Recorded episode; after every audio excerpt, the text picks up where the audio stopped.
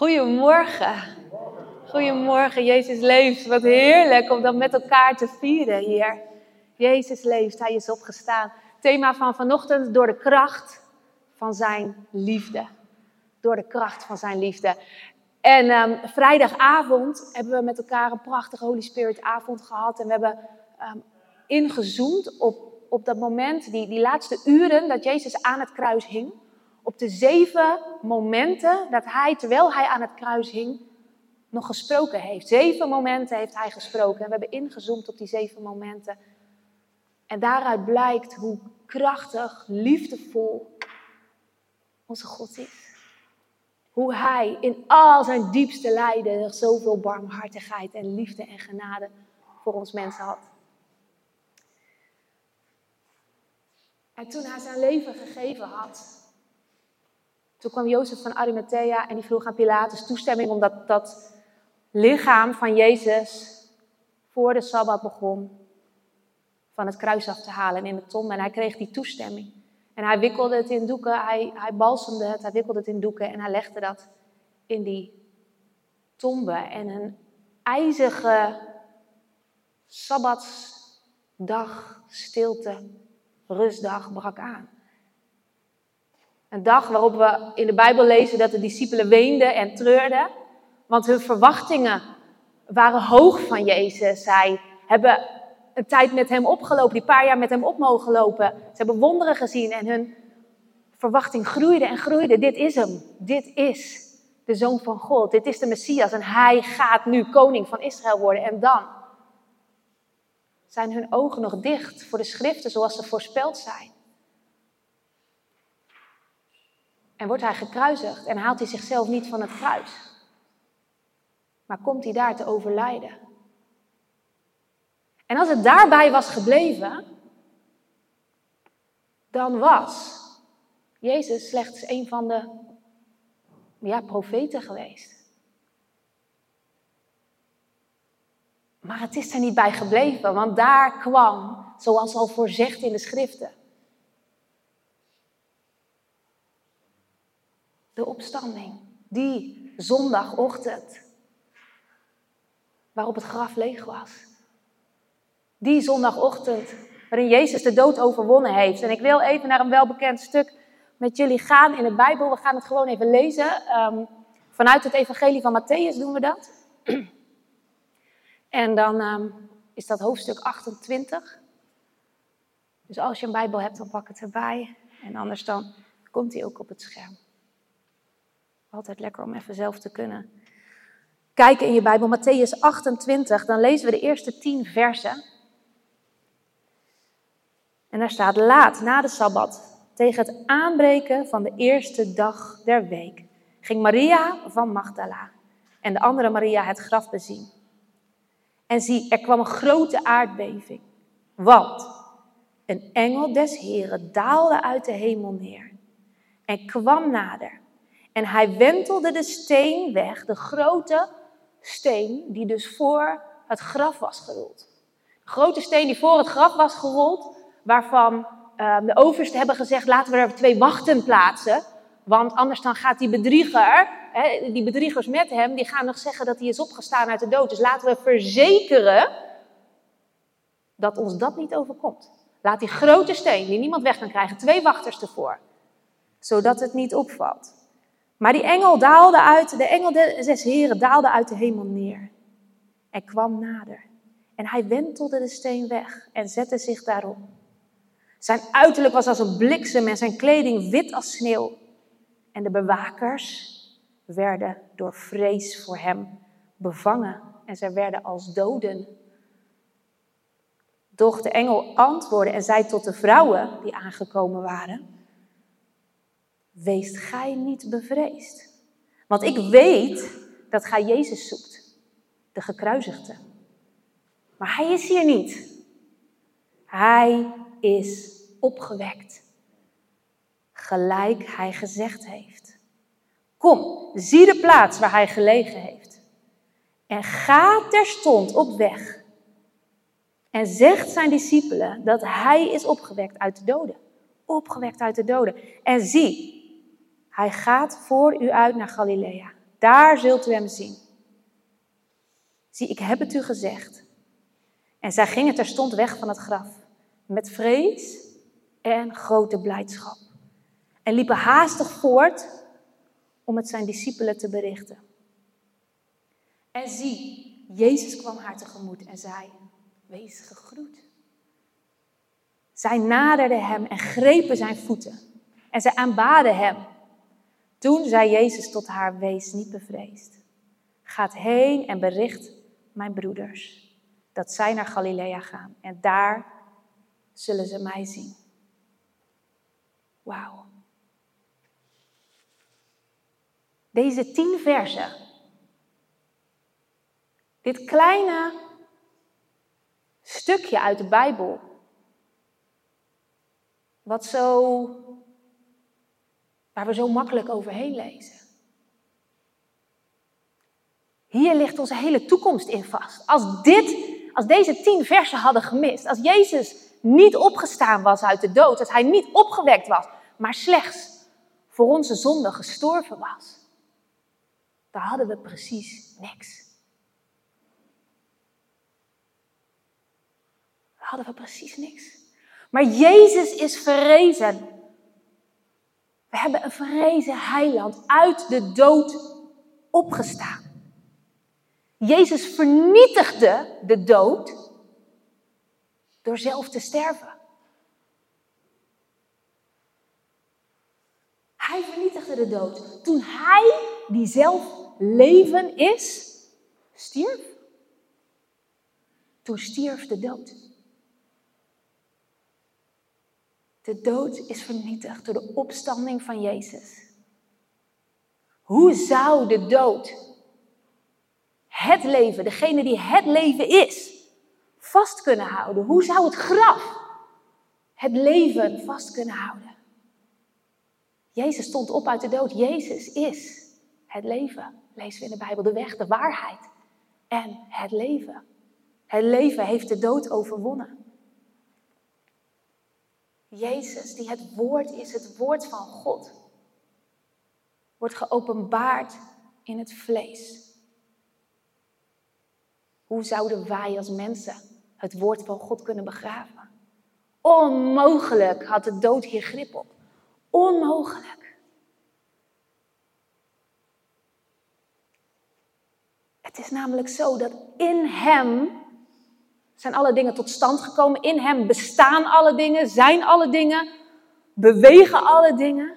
In Hem is die volheid. Laten we dat erbij pakken in de Bijbel. Colossense hoofdstuk 1.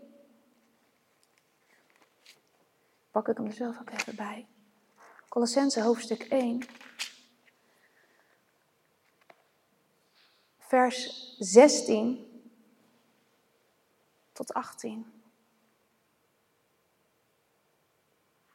Want in Hem, in Jezus, zijn alle dingen geschapen die in de hemelen en die op de aarde zijn zichtbare en onzichtbare. Het zij tronen, het zij heerschappijen, het zij overheden, het zij machten. Alle dingen zijn door Hem en tot Hem geschapen. En Hij is voor alles.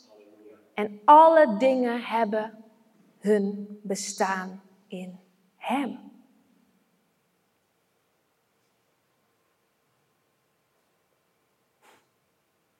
Alle dingen zijn in hem geschapen. Hij is het leven. Het woord is leven geworden. En de dood kon hem niet houden.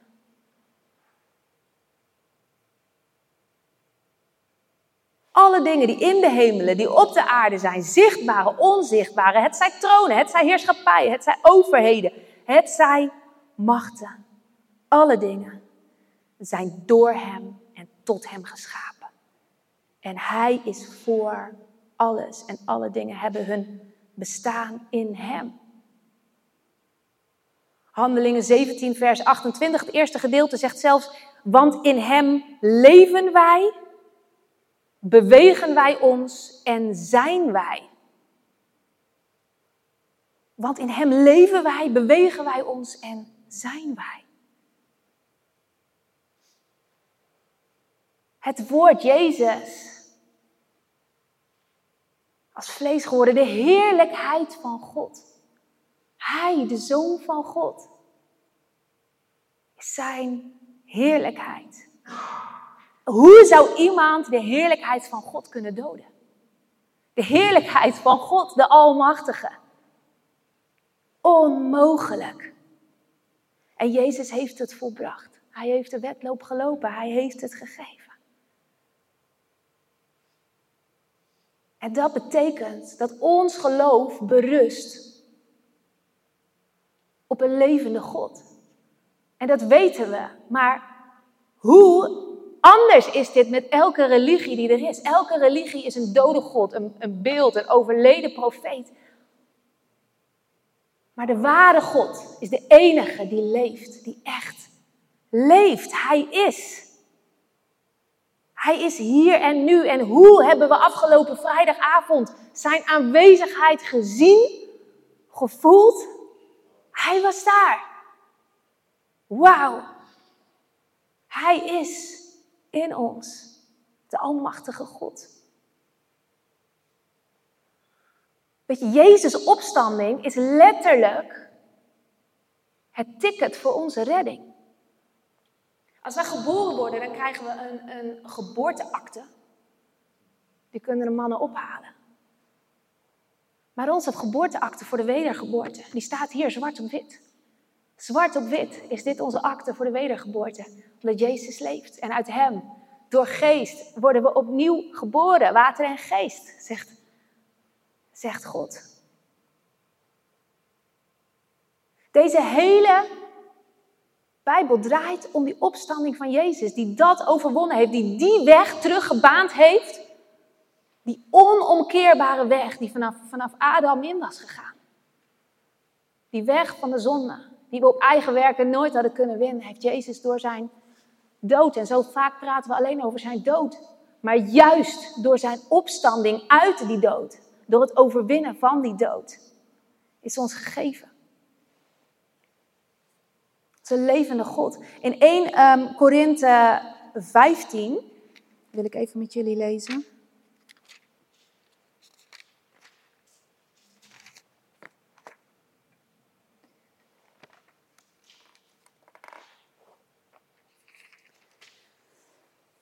1 Korinthe hoofdstuk 15.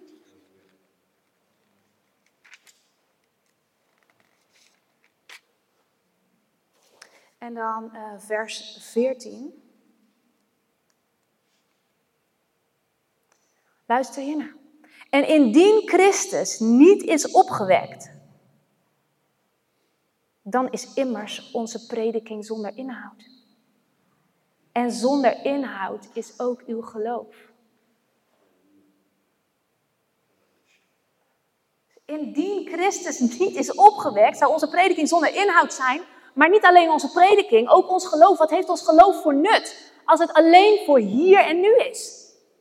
Voor even. Wat maakt ons dan anders dan de mensen die leven voor zichzelf? Maar Jezus is opgewekt. We lezen verder in dat, in dat stuk. We slaan een paar versen over en we pakken hem op bij vers 17. En indien Christus niet is opgewekt, dan is uw geloof zonder vrucht. Dan bent u nog in uw zonde. En dan zijn ook zij die in Christus ontslapen zijn, verloren. Indien wij alleen voor dit leven onze hoop op Christus gebouwd hebben, zijn wij de beklagenswaardigste van alle mensen. Maar nu Christus is opgewekt uit de doden als eersteling van hen die ontslapen zijn. Want terwijl de dood er is door een mens, is ook de opstanding der doden door een mens. Want evenals in Adam alle sterven, zullen ook in Christus alle levend gemaakt worden maar ieder in zijn eigen rangorde. Christus als eersteling. En vervolgens die van Christus zijn bij zijn komst.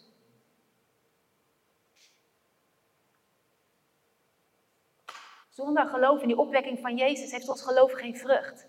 Beklagenswaardig Zijn we als onze hoop alleen voor dit leven is? Als onze hoop alleen voor die paar jaar hier is, die voor de ene iets langer duren als voor de andere?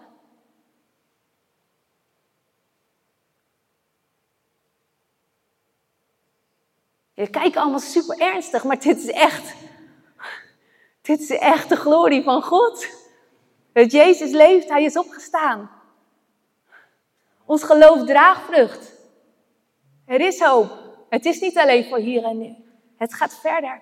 Johannes 6, vers 40 staat, want dit is de wil mijns vaders.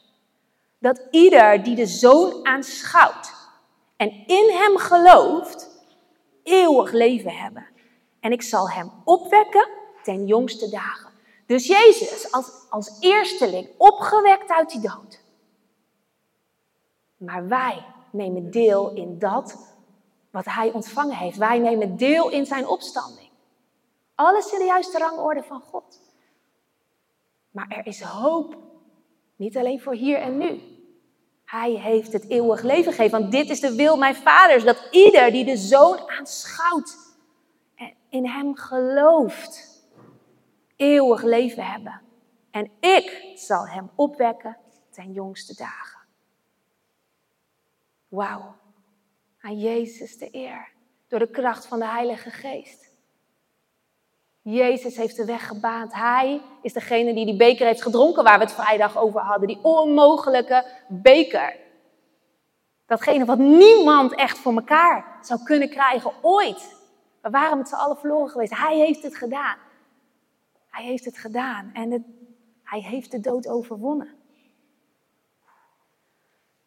Dat betekent dat geen enkele barrière, en ik zeg geen enkele barrière, omdat wij vaak zorgen in ons leven toelaten. Want we weten wel dat Jezus leeft. Dan kunnen je zitten en denken, ja, ik weet wel dat Jezus leeft. Ik weet dat Hij is opgestaan. Ik weet dat we op een levende God vertrouwen. Maar hoe vaak brengen we dit niet in praktijk? Hoe vaak denken we, komt er een barrière in ons leven waarvan we denken dat die net iets te pittig is voor God? Dus het is goed dat we het weten, lezen. En ik heb dit, dit heb ik al eens gelezen, dit ken ik. Maar we moeten het gaan geloven. We moeten het gaan leven. We moeten het gaan pakken. Want geen enkele barrière kan ons weghouden van God.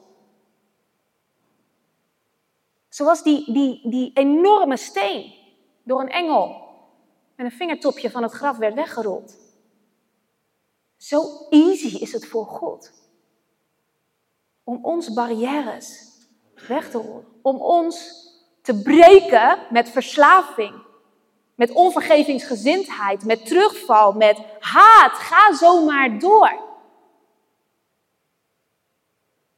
In hem zit die kracht, op eigen kracht falen we telkens weer en weer en weer. Op eigen kracht gaan we door een beproeving heen en falen we telkens weer en weer.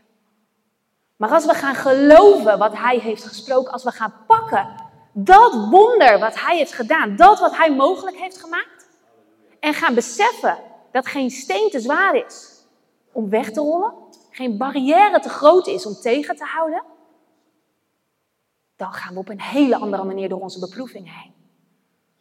En dan kijken we als de storm gaat liggen, kijken we achterom. En dan zeggen we Jezus overwinnaar. En dat wisten we van tevoren al. Dat is geen verrassing achteraf als de storm is gaan liggen. Dat wisten we van tevoren toen we er doorheen gingen.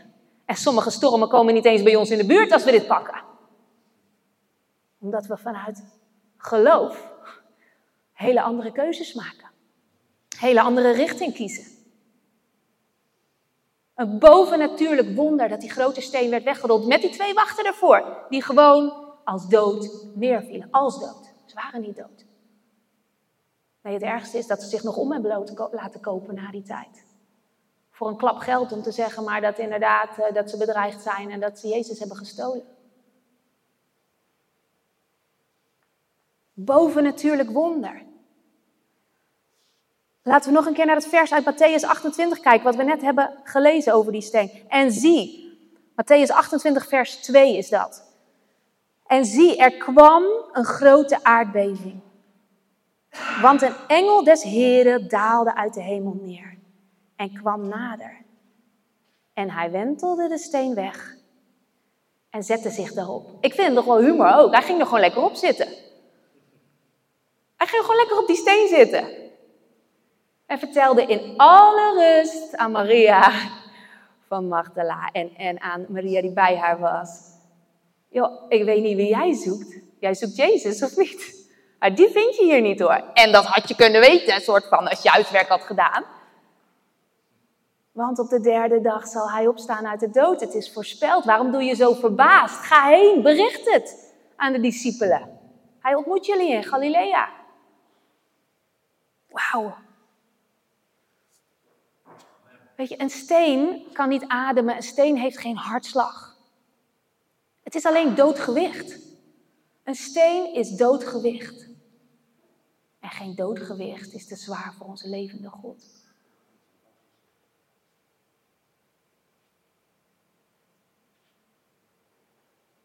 Een onbewegelijk object is het. Voor mensenhanden. Voor één mens. Maar voor God niet.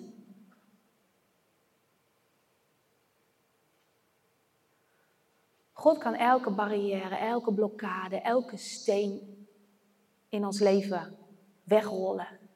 En niets is onmogelijk. Amen. Alle dingen zijn mogelijk bij God. En het leukste van alles, het interessantste vind ik, dat we zo'n perfecte God hebben. Die zo alles geregisseerd heeft. Van het begin aan. Het einde heeft verkondigd. Maar alles valt zo feilloos in elkaar. En daarmee wil ik even een sprongetje terug in de Bijbel maken naar de ark van Noach met jullie. Gewoon even een klein stukje studie op deze paaszondagochtend tussendoor. En um, Daarvoor gaan we letterlijk even terug in de Bijbel naar Genesis hoofdstuk 8.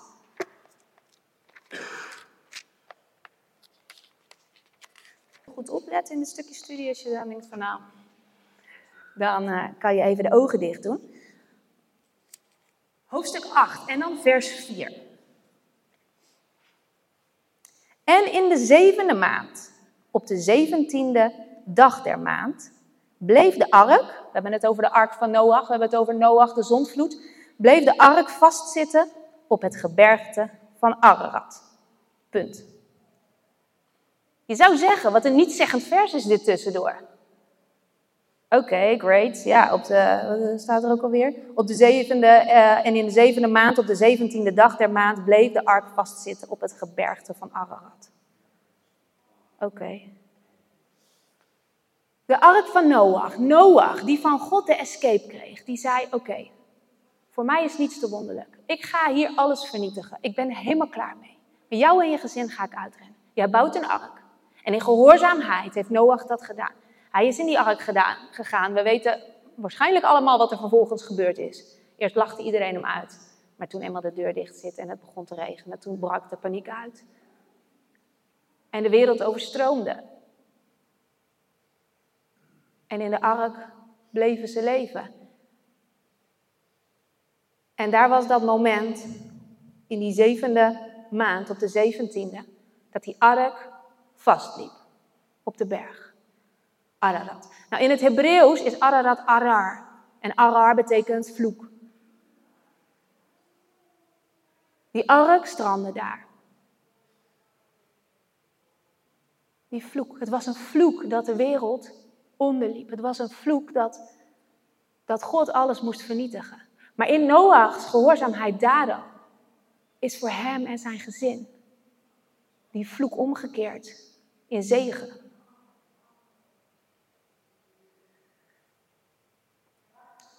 Die vloek keerde om in zegen. Nou, deze ark is een beeld van de doop. Dus het afdalen door de wateren en het terugkomen is dus een voorafschaduwing van, uh, van dood en opstanding. Zoals we in de waterdoop kennen. Laag en op. Daar, voordat Jezus op aarde was. Ik bedoel, die doop is niet zomaar ineens ontstaan toen Jezus op aarde was, van laten we mensen dopen. Dit was al een principe van God wat hier leefde. Dus Dood en opstanding, dat beeld van die ark. het door de wateren heen, veilig in de ark, veilig in Jezus. Met dat in gedachten,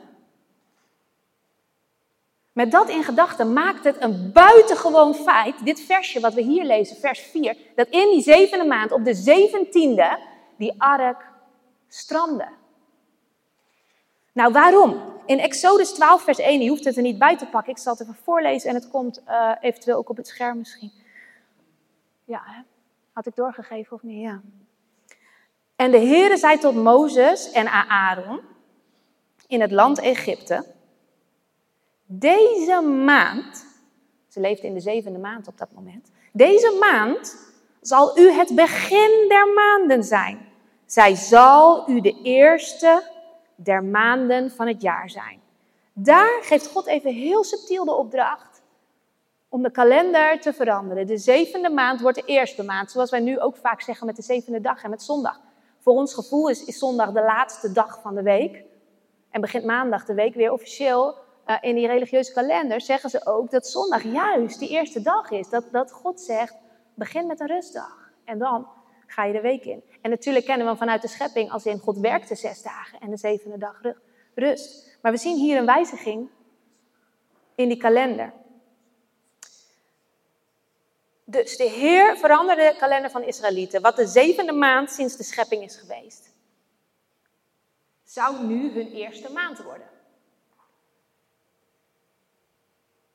Nou, tot op de dag van vandaag hebben de Joden twee kalenders. Ze hebben een burgerlijke kalender en een religieuze uh, kalender. En de zeventiende van de maand, toen de ark tot rust kwam, op die berg, die eigenlijk vloek was, toen begon daar, let op, nieuw leven voor Noach. En zo meteen wordt de clue duidelijk, dus probeer erbij te blijven. Daar begon nieuw leven voor Noach en zijn gezin. Het oude was geweest, het oude was in het water ondergegaan. Het nieuwe begon daar, op die zeventiende, toen ze gestrand waren. Nou, let op, nu ga ik hem samenvatten. Want het feest van de eerstelingen, ik weet niet of iemand het feest van de eerstelingen kende, maar het is een feest wat ingesteld is. Het staat namelijk um, voor, voor nieuw leven, voor, voor nieuw, het eerste van de oog, de, de nieuwheid staat er symbool voor. Nou, het feest van de eerstelingen is ingesteld op de 17e van de maand Nissan. De Nissan is dus die, die, die, eerste maand, die ingestelde nieuwe eerste maand. Dus wat hier in, in, in Genesis 8 was, maand 7 werkt maand 1 de Nissan. Dus het feest van de eerstelingen, die op de 17e van de maand Nissan ingesteld, is ingesteld, uh, op diezelfde dag strandde de ark en kon er een nieuw leven beginnen voor Noach en zijn gezin. Diezelfde zeventiende van de maand Nissan was het moment dat het volk van Israël door die Rode Zee heen ging. Een paar dagen daarvoor, op de veertiende Nissan, was Pesach. De bloed, aan, de bloed van de, aan de deurposten. En op die zeventiende brak Jezus brak God het water open en ging het volk er doorheen. Zij lieten hun oude leven in de slavernij achter, gingen door het water. Letterlijk door het water met muren links en rechts naast zich. En het water sloot zich achter hen. En er begon een nieuw leven op die zeventiende. Die zeventiende Nissan. Het feest van de eersteling. En deze zeventiende Nissan, je raadt het al, deze zeventiende van de maand Nissan verrees Jezus uit de dood. Op die veertiende Nissan brak hij het brood met zijn discipelen. Op die zeventiende van de maand Nissan verrees hij uit de dood als eersteling van de oogst.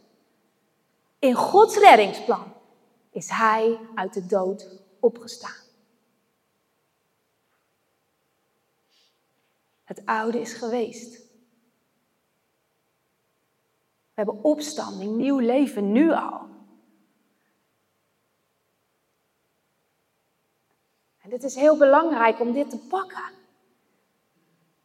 Die grootheid van God, waarmee alles geregisseerd is, waarmee alles wiskundig tijdtechnisch op de juiste momenten samenvalt. Jezus heeft niet zomaar een kunstje gedaan met even aan het kruis en opstaan. Het was compleet zoals God altijd is, van A tot Z geregisseerd. Van alfa tot omega. Het is allemaal van tevoren in elkaar gezet, voltooid, geregisseerd. Hij is een volmaakt God die geen steek laat vallen, die niet wankelt, niet valt, niet sluimert, niet slaapt, niet net even iets over het hoofd had gezien dat hij dacht, ah, achteraf gezien was het wel handig geweest als ik dat misschien op dezelfde dag had samen laten vallen. Nee, van tevoren had hij dit gezien. Hij voorzag dit, hij wist het.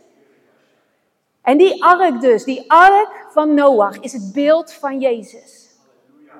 Wanneer wij gedoopt worden in water, wanneer wij gehoor geven aan de opdracht die Jezus geeft.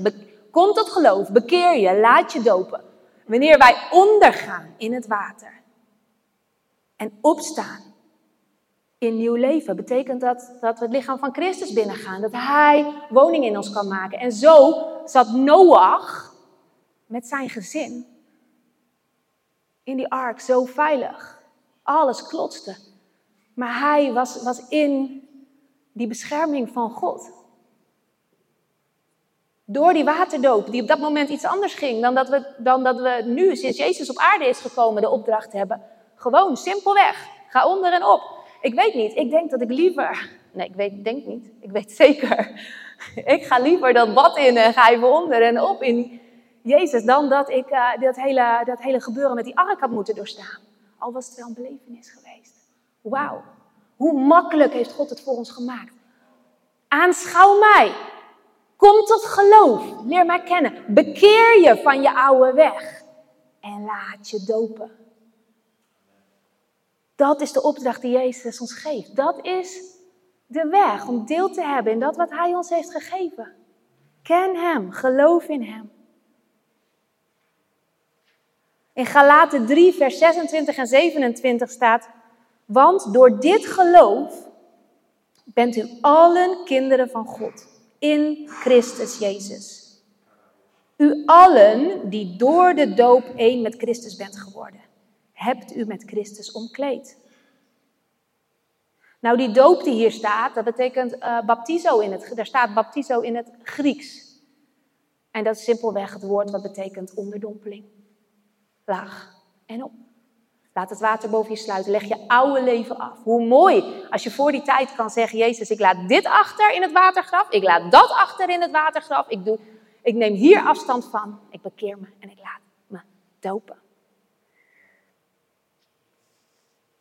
Nou, dus zoals de ark opgetild werd door die, door die berg.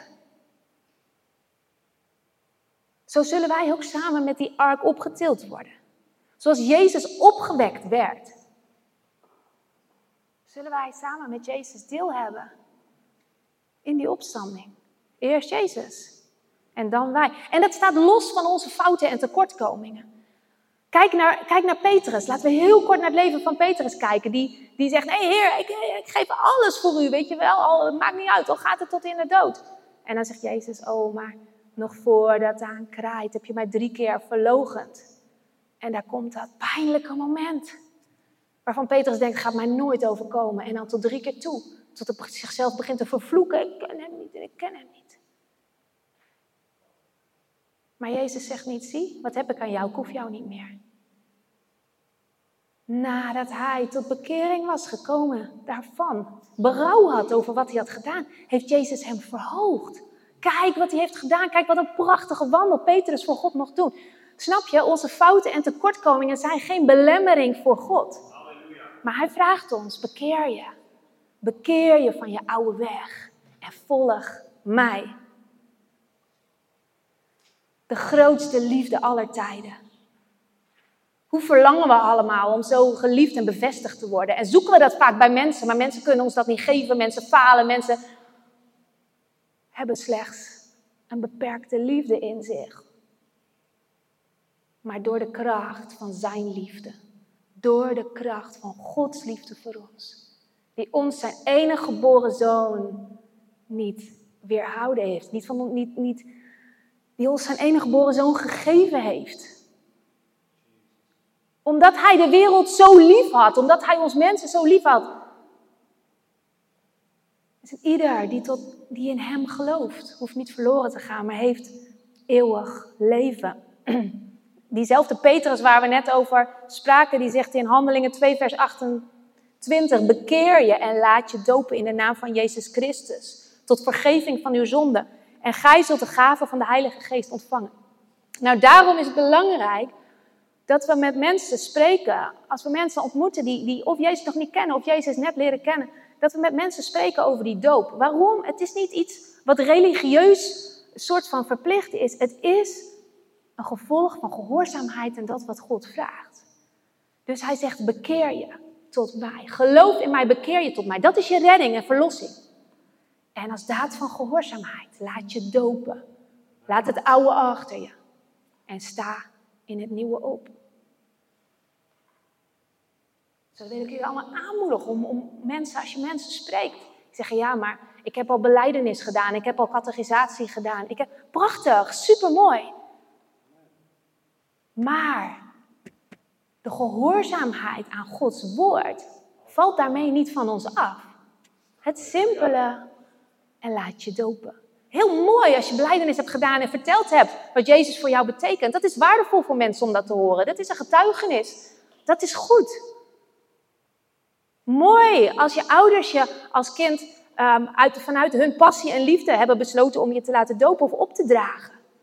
Dat is, dat is iets wat ouders hebben gedaan in hun verlangen naar God. Dat is heel mooi en dat is heel fijn, maar dat heeft niks te maken met jouw keus om Jezus te volgen en jouw gehoorzaamheid om vanuit dit geloof, vanuit die bekering, op, een gevolg te geven aan de opdracht die Hij ons geeft. Repent and be baptized.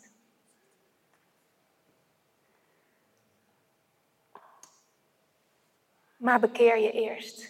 Romeinen 10, vers 9. En um, uh, daar staat. We gaan al richting afronding hoor, trouwens.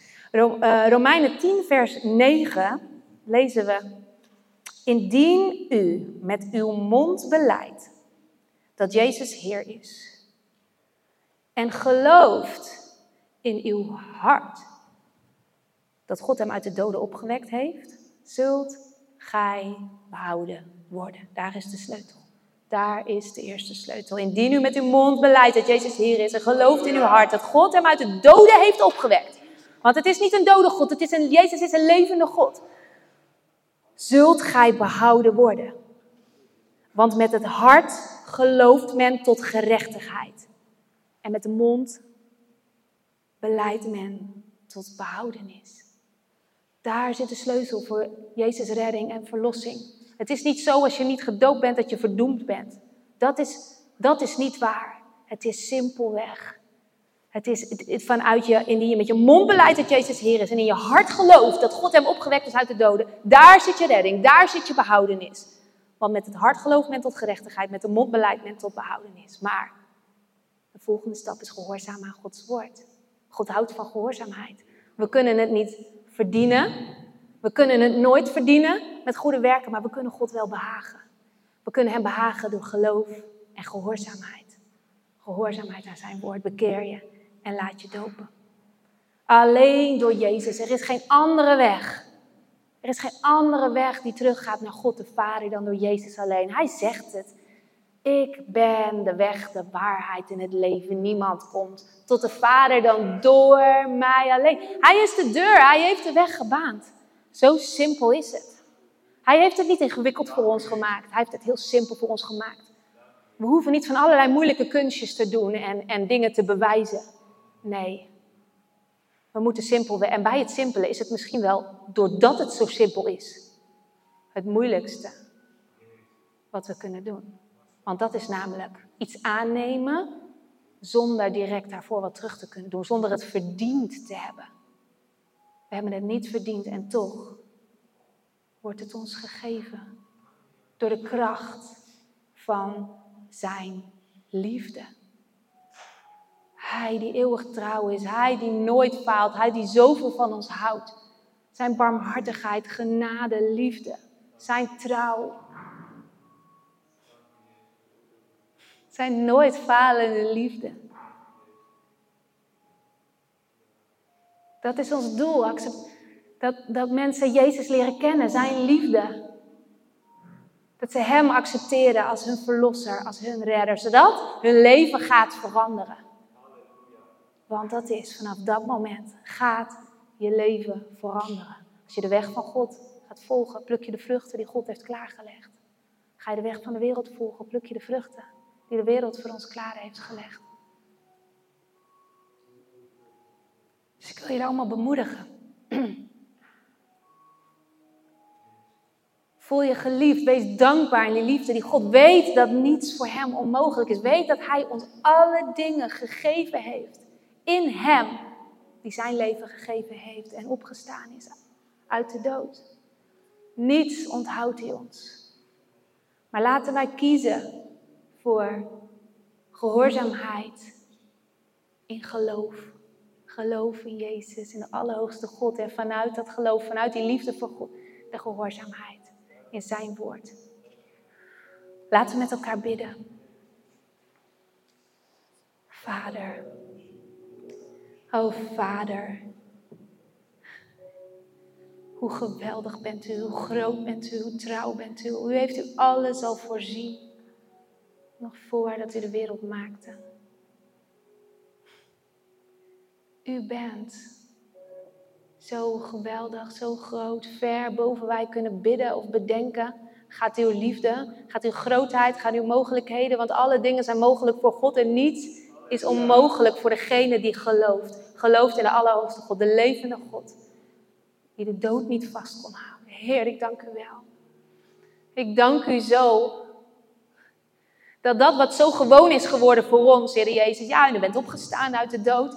U bent opgestaan uit de dood. U heeft de dood overwonnen. Wie van ons mensen heeft dit gedaan voordat u naar aarde kwam? Niemand, want het is onmogelijk voor ons om die dood te overwinnen. Alleen in u, door u, Heer Jezus, hebben we eeuwig leven. Is de, de pijn en de moeilijkheden van dit leven zijn zo tijdelijk. Heer, en zelfs in dit leven belooft u ons niet een leven met tegenspoed en moeilijkheden. U zegt, ik ben gekomen om leven en overvloed te brengen. Hier al, nu al. Maar zoek eerst mijn koninkrijk en mijn gerechtigheid. En alle dingen zullen erbij gegeven worden. First, seek my kingdom. And all the things will be given to you. His righteousness. Daar moeten we naar op zoek. Dat moet ons doel zijn. Zijn koninkrijk, zijn gerechtigheid. Jezus die zijn leven heeft gegeven.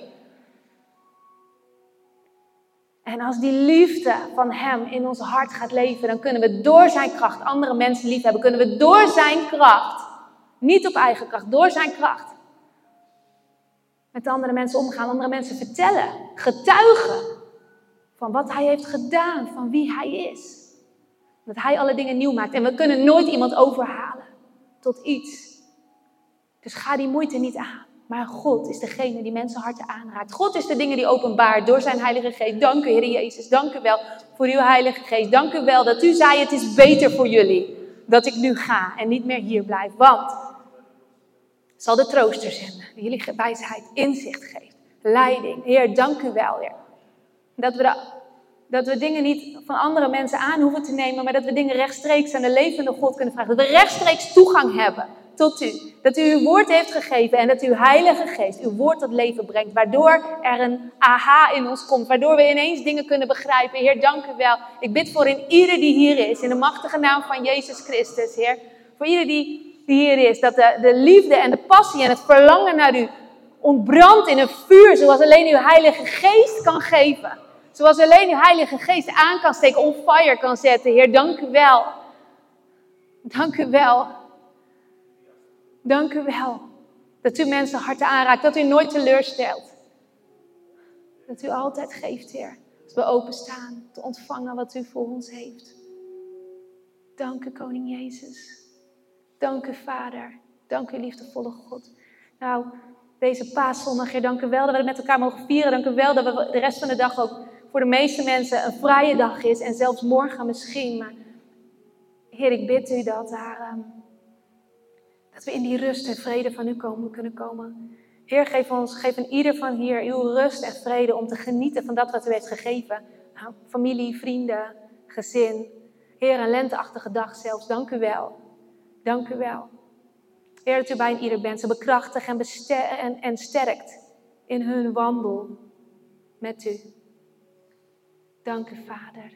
In de naam van Jezus Christus. Amen. Amen.